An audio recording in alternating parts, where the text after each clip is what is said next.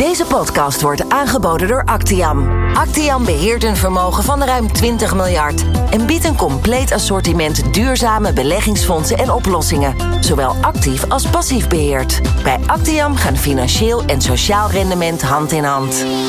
Actiam is responsible for growth. Welkom bij de Actian podcastserie Beleggen met Impact. In deze podcast staan we stil bij het effect van infectieziektes op beleggingsresultaten.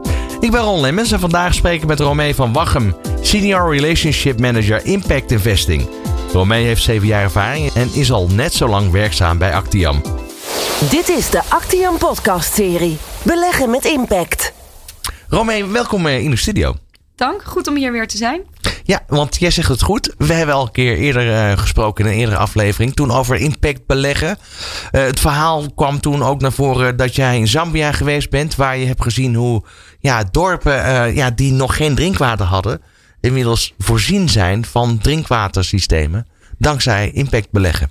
Ja, klopt. Nou, inderdaad, de watervoorzieningen, hoe dat dan toch op een verantwoorde en veilige wijze kan plaatsvinden. Uh, los van drinkwater ook dat ze toegang hebben tot bijvoorbeeld nou ja, water voor uh, de landbouw en dat soort uh, systemen. Ja, vandaag wat anders. Echt om met de deur in huis te vallen. Want wat hebben infectieziektes met impactbeleggen te maken? Ja, interessante vraag. Op het eerste gezicht natuurlijk niet direct dat je denkt, nou, infectieziekte en impactbeleggen, wat heeft dat te betekenen? De andere kant weet ik niet of mensen zich nog herinneren nieuws dat uh, hier een uh, run was op de supermarkten. En dat mensen bang waren of ze hier wel genoeg uh, wc-papier, maar ook handzeep hadden. Wat voor ons eigenlijk heel vanzelfsprekend is. Maar ja, eigenlijk voor 25% van de wereldbevolking is dat helemaal niet vanzelfsprekend. En dan heb je het niet eens over de handzeep, maar überhaupt de toegang tot veilige water- en sanitatievoorzieningen. Terwijl ja, handen wassen en hygiëne toch volgens de World Health Organization nummer één preventie is van verspreiding van COVID. En natuurlijk dan ook andere infectieziektes. Ja, want in één keer was daar COVID. Eh, als we vaak spraken over infectieziektes, hadden we het ook vaak over. Ja, je gaat bij wijze van spreken reizen. Je gaat uh, in Nederland ga je een vaccin halen tegen bepaalde ziektes als malaria en uh, noem ze maar op. Maar in één keer was daar COVID. Ook een echte infectieziekte. Ja, klopt. En ja, COVID is een, wat we echt noemen een black swan kwam uit het niets, onverwachts. Niet eerder voorgekomen. En echt een uh, ja, unieke situatie van een uh, infectieziekte die zich zo wereldwijd verspreidde. Ja, Romee, dan uh, toch even naar die vraag. Want het is volgens mij niet heel makkelijk om daar een één concreet duidelijk antwoord op te geven. Omdat het best wel gaat om een heel breed onderwerp. Hè? Dat, dat beleggen met impact en infectie. Ja, klopt. En die link is natuurlijk, wat ik net al zei, één op één niet heel helder op het eerste zicht. Maar je kan het ook op verschillende niveaus bekijken. Als we bijvoorbeeld kijken naar de gevolgen van COVID op de wereld. De Verenigde Naties hebben 17 ontwikkelingsdoelen geformuleerd. De 17 uitdagingen waar wij voor staan. Dus op zowel sociaal, maatschappij en milieu. Dus armoede, gender inequality, klimaat, water en sanitatie, voedsel. Nou, noem maar op. Die we in 2030 met elkaar zouden moeten bereiken om toekomstbestendig te zijn uh, met z'n allen. Nou, dan zie je dat COVID gewoon daar een gigantische impact op heeft gehad. We liepen al achter om die te behalen. En eigenlijk zijn we nog alleen maar verder achteruit gegaan. Dat heeft zich uit in verschillende concrete voorbeelden. Dus het financieringstekort om die problemen op te lossen loopt naar verwachting met 70% op. Van, ja, van 2,7 biljoen naar 4,2 biljoen. Dus dat is echt gigantisch. Plus, als je gewoon kijkt naar concrete cijfers, is de verwachting dat 150 miljoen mensen extra in extreme armoede komen. Dus waar we een decennium alleen maar vooruitgang zagen in toegang tot financiële diensten, armoedebestrijding, is er voor het eerst gewoon echt een uh, eigenlijk stagnatie in ontwikkeling. Toegang tot school, educatie. Wij hebben hier thuis gezeten, maar ook daar zie je dat ontwikkelingslanden onevenredig hard zijn geraakt. De, impact op de employmentmarkt, op, op arbeid dat je toch ziet dat vrouwen en lager geschoolden harder zijn geraakt. En ja, die bevinden zich ook weer met name in ontwikkelingslanden. En zo zie je dat eigenlijk de ongelijkheid die we al zagen met z'n allen pijnlijk duidelijker is geworden en verder is vergroot. Dat is wat, wat corona doet. Het zorgt voor een stukje bewustwording, zou je ook kunnen stellen. Hetzelfde als hè, het verduurzamen van de wereld. Is dit dus ook een keerzijde van wat corona met zich meebrengt? Dat er toch meer bewustwording komt. Ja, dat, nou ja, of dat er komt. Ik hoop dat het er maar komt. herken je dat wel? Dat, dat doordat het zo pijnlijk is eh, wat er bloot is komen te liggen, eh, weet men wel nu van we moeten harder optreden. Eh, Wat is er overigens bekend over ja, hoe hard corona heeft toegeslagen in eh, ontwikkelingslanden? Want daar is de communicatie natuurlijk een stuk moeilijker. De infrastructuur qua internet is daar ook anders dan hier. Dus laat staan de cijfers van testresultaten en dergelijke. Nee, helemaal terecht. Nou, ik denk over eh, de bewustwording dat wel, hoop ik ook, bewust is geworden voor mensen dat naast klimaat sociale urgentie ook is om te adresseren. Dat je ook iets wilt doen aan die ongelijkheid, überhaupt om wereldwijd dingen te adresseren. Over die cijfers is wel veel bekend. Maar het klopt wel dat daar natuurlijk wel dingen anders lopen. Dus ja, testresultaten, als je niet test, dan weet je natuurlijk niet hoeveel coronagevallen er zijn. Maar ja, we weten allemaal nog de tweede golf in India dit jaar, die echt heel erg heftig was. Met 100.000 eh, plus gevallen en doden per dag. eh, de economie weer op slot. En wat je eigenlijk ook ziet qua cijfers, eh, dat heeft de World Bank ook aangegeven, is dat zowel de kwaliteit als kwantiteit en de uitrol van vaccinaties echt heel erg achterloopt in die landen. Ja, en dan als, als het gaat om ja, de rol die er is weggelegd voor beleggers. Is daar een rol weggelegd? Of moeten we eerst het op orde hebben op overheidsniveau? Hoe, hoe, zie, hoe zie je dat? Nee, zeker niet. Nee, er is zeker een rol voor eh, private beleggers weggelegd. Juist, denk ik. Eh, dat was al voor corona dat je het echt over hebt. Over zulke grote uitdagingen waar overheden of supranationale organisaties überhaupt niet het alleen redden. Ehm, ook even kijkend. Bijvoorbeeld als je gemiddelde bruto binnenlands producten van landen vergelijkt met bij sommige bedrijven hun grootste omzet wereldwijd. Uh, dat is niet helemaal een correcte vergelijking. Maar dan zie je dat sommige bedrijven, bij wijze van spreken, meer geld en daar misschien ook wel meer macht tot hun beschikking hebben. Dus er is zeker een rol weggelegd. Dat zie je ook bijvoorbeeld bij uh, financiële inclusie of water en sanitatie. Waarbij gewoon juist na COVID het relevant is, maar ook gewoon investeerbaar is. Ja, het is een heel breed onderwerp, hebben we net ook benoemd. Ja. Maar um, wat zijn nu concrete, hele tastbare uitdagingen die overwonnen moeten worden? Heel concreet denk ik dat als allereerste juist je handen in één moet slaan. Dat hebben wij als Actium ook gedaan. Dus samen met internationale en lokale lenders hebben wij onze steun aan de financiële inclusiesector uitgesproken op het gebied van liquiditeit, risicomanagement en analyse. Um, juist om ook daar te blijven en niet weg te gaan. Um, ik denk de toegang tot sanitatie en water is een grote uitdaging. Als je ook ziet nou ja, dat watergedragen ziektes uh, een van de grootste bijdragers hebben aan kindersterfte of aan de verspreiding van die ziektes, is het toch belangrijk om daar ook in te investeren. Ja, welke lessen kunnen beleggers nu uit het verleden trekken? Want um, ja. ja. we hebben net ook al geconcludeerd, er is een stuk bewustwording omdat corona bepaalde zaken echt blootlegt.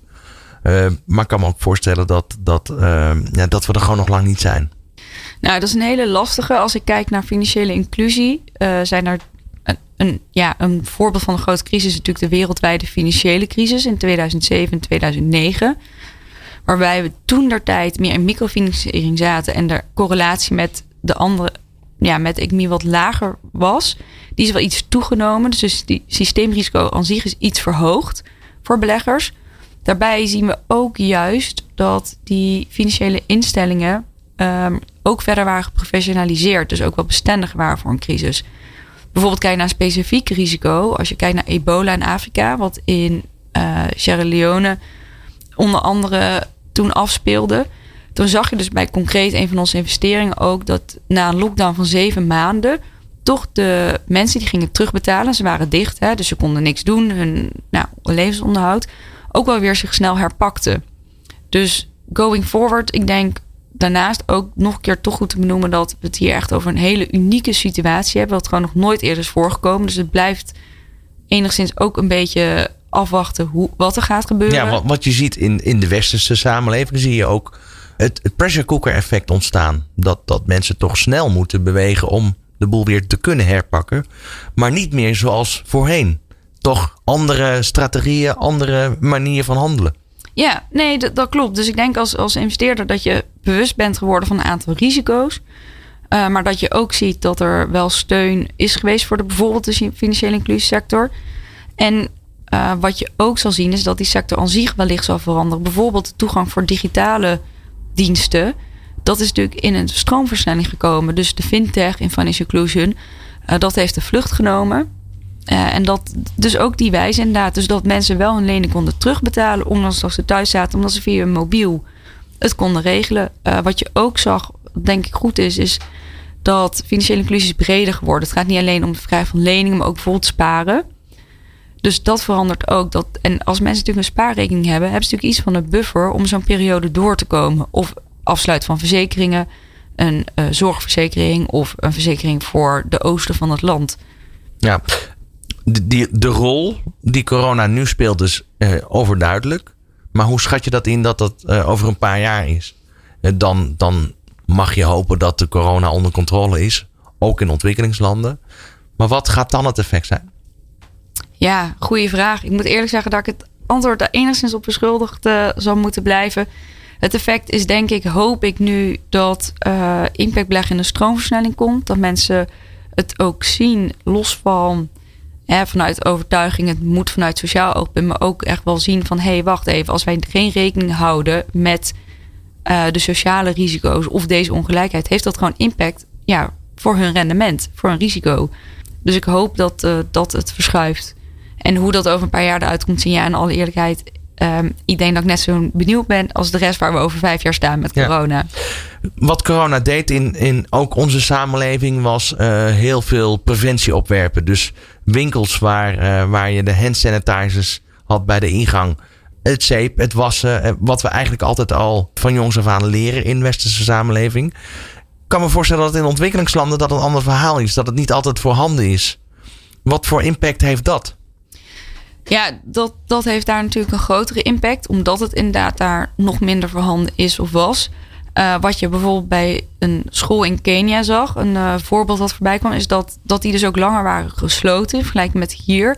Omdat er bijvoorbeeld ontbrak aan desinfecteringsmiddelen of handwasfaciliteiten. Waardoor je eigenlijk niet goed kon voorzien dat die kinderen op een veilige manier terug naar school konden. Dus als je nu, bij wijze van spreken, als belegger impact zou willen maken, dan zou je moeten investeren in bedrijvensectoren die daar zich nu in die ontwikkelingslanden mee, mee bezighouden? Nou, ik denk dat je dient te kijken naar wat je eigen ja, speerpunten zijn op duurzaamheid. Financiële inclusie is een mooi voorbeeld van wat investeerbaar is. Hè? Het verstrekken van leningen aan financiële instellingen, die zich vervolgens of gewoon op bepaalde producten en diensten kunnen richten. Dus naast leningen ook sparen. Dus je, belangrijk om te kijken naar die diversificatie van producten die ze aanbieden. Doen ze dat op een verantwoorde wijze? Doen ze dat bijvoorbeeld digitaal? Maar ook uh, wat je ook ziet, is dat die bedrijven zich meer op bepaalde thema's richten. Dus een voorbeeld is, daar zijn we zelf ook mee bezig, dat die leningen specifiek worden ingezet, zodat huishoudens en individuen een toilet kunnen bouwen of gewoon watervoorzieningen. En dat, dat is denk ik los van die investering gewoon belangrijk. Zijn er nog meer concrete resultaten waarvan je kan zeggen, ja, die heeft Actiam ook geboekt eh, in die, die vooruitgang? Nou, ik denk waar wij ons mee bezighouden met die microfinanciering, wat eigenlijk zich heeft ontwikkeld tot financiële inclusie, dat het belangrijkste is dat wij daar sinds 2007, 2008 actief zijn geweest. En dus van oudsher een bijdrage hebben geleverd aan de professionalisering van die industrie. Uh, waardoor die financiële instellingen zie je dat ze ook meer onder toezicht komen te staan, zijn opgeschaald, meer diverse producten hebben kunnen aanbieden, waardoor ze eigenlijk tegen verwachting in uh, relatief goed door de coronacrisis crisis zijn gekomen. Hè. Natuurlijk zie je wel een impact op de groei en financiële resultaten, maar ze stonden er vrij goed voor. Dus dat is op sectorniveau. Concreet kijkend hebben, ja, naar wat je hebt bereikt, is dat je dus mensen toegang hebt gegeven tot bijvoorbeeld sparen. Dat ze een buffer hadden toen ze thuis kwamen te zitten tijdens een lockdown, in, ja. bijvoorbeeld in India. En dan, dan, heb je het over ondernemers, maar, maar de totale maatschappelijke impact, kan je daar iets meer over zeggen wat daar bereikt is? Nou, ik denk met name die sectorsteun het aantal mensen wat je bereikt. Wereldwijd meer dan 4 miljoen mensen hebben daardoor toegang gekregen tot financiële producten en diensten. Als je ook kijkt naar dat er dus een ongelijkheid is tussen mannen en vrouwen. Ook dat vrouwen in de ontwikkelingslanden relatief harder zijn geraakt door corona. Zie je dat wij met name ook, uh, nou, de mensen die we bereiken, is 80% dame. Of bijvoorbeeld met name ook de landelijke gebieden. Dus dat soort dingen die, uh, nou, kan je daarmee bereiken. De, ja. ja, we kunnen hier heel lang uh, over praten, want het is een heel breed onderwerp. Um, hoe zie jij eigenlijk de komende jaren nu voor je? Wat, wat gaat er gebeuren? Gaan er uh, beleggers opstaan? Gaan er bedrijven opstaan die hier in, in hetgeen wat bloot is komen te liggen? Dus, dus de ongelijkheid. En als het dan gaat over, over het impactbeleggen in ontwikkelingslanden, nog verder gaan en sneller gaan aanpakken. Wat, wat, wat denk je? Ja, ik verwacht wel door verschillende ontwikkelingen gedreven een toename van impactbeleggen, ook in ontwikkelingslanden. Ondanks dat natuurlijk hier in Nederland ook gewoon we voor uitdagingen staan. Maar ik denk dat COVID wel de sociale en ongelijkheid toch wel weer ook de focus heeft benadrukt bij beleggers van hé, hey, wacht even, er is meer dan de ontwikkelde landen. Dus ik verwacht dat ook. Uh, je ziet ook dat dat gedreven wordt door Europese wet en regelgeving. Dat ze toch naar duurzamere beleggingen moeten gaan kijken. De duurzaamheidsrisico's moeten gaan meenemen in hun beleggingen. En kijken naar COVID hoop ik gewoon dat dat, dat een driver is voor investeerders om verder te kijken en ermee aan de slag te gaan. Hoe belangrijk is de uitrol van internet? Want je hoort uh, dat steeds meer landen uh, ja, toegang hebben tot internet. Uh, ook in de ontwikkelingslanden. Hoe belangrijk is die rol van internet? De toegang tot de wereld zou je eigenlijk kunnen zeggen. Ja, toegang tot de wereld via internet is denk ik een belangrijke rol. Ook even kijken naar nog concreter. Ik denk fintech ontwikkelingen. Dus dat zijn bijvoorbeeld mobiele betaaldiensten. Dat mensen via mobiel kunnen betalen dat is wel echt cruciaal voor bijvoorbeeld de financiële inclusiesector. Mensen zaten thuis.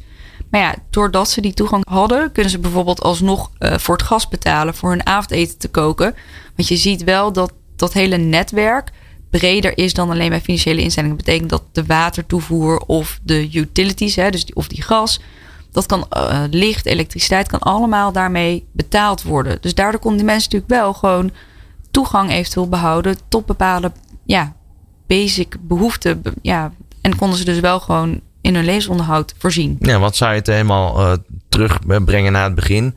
Uh, zijn het vaak in ontwikkelingslanden? Het zijn dorpen, het zijn vaak boeren. Dus ze verbouwen gewassen, houden dieren.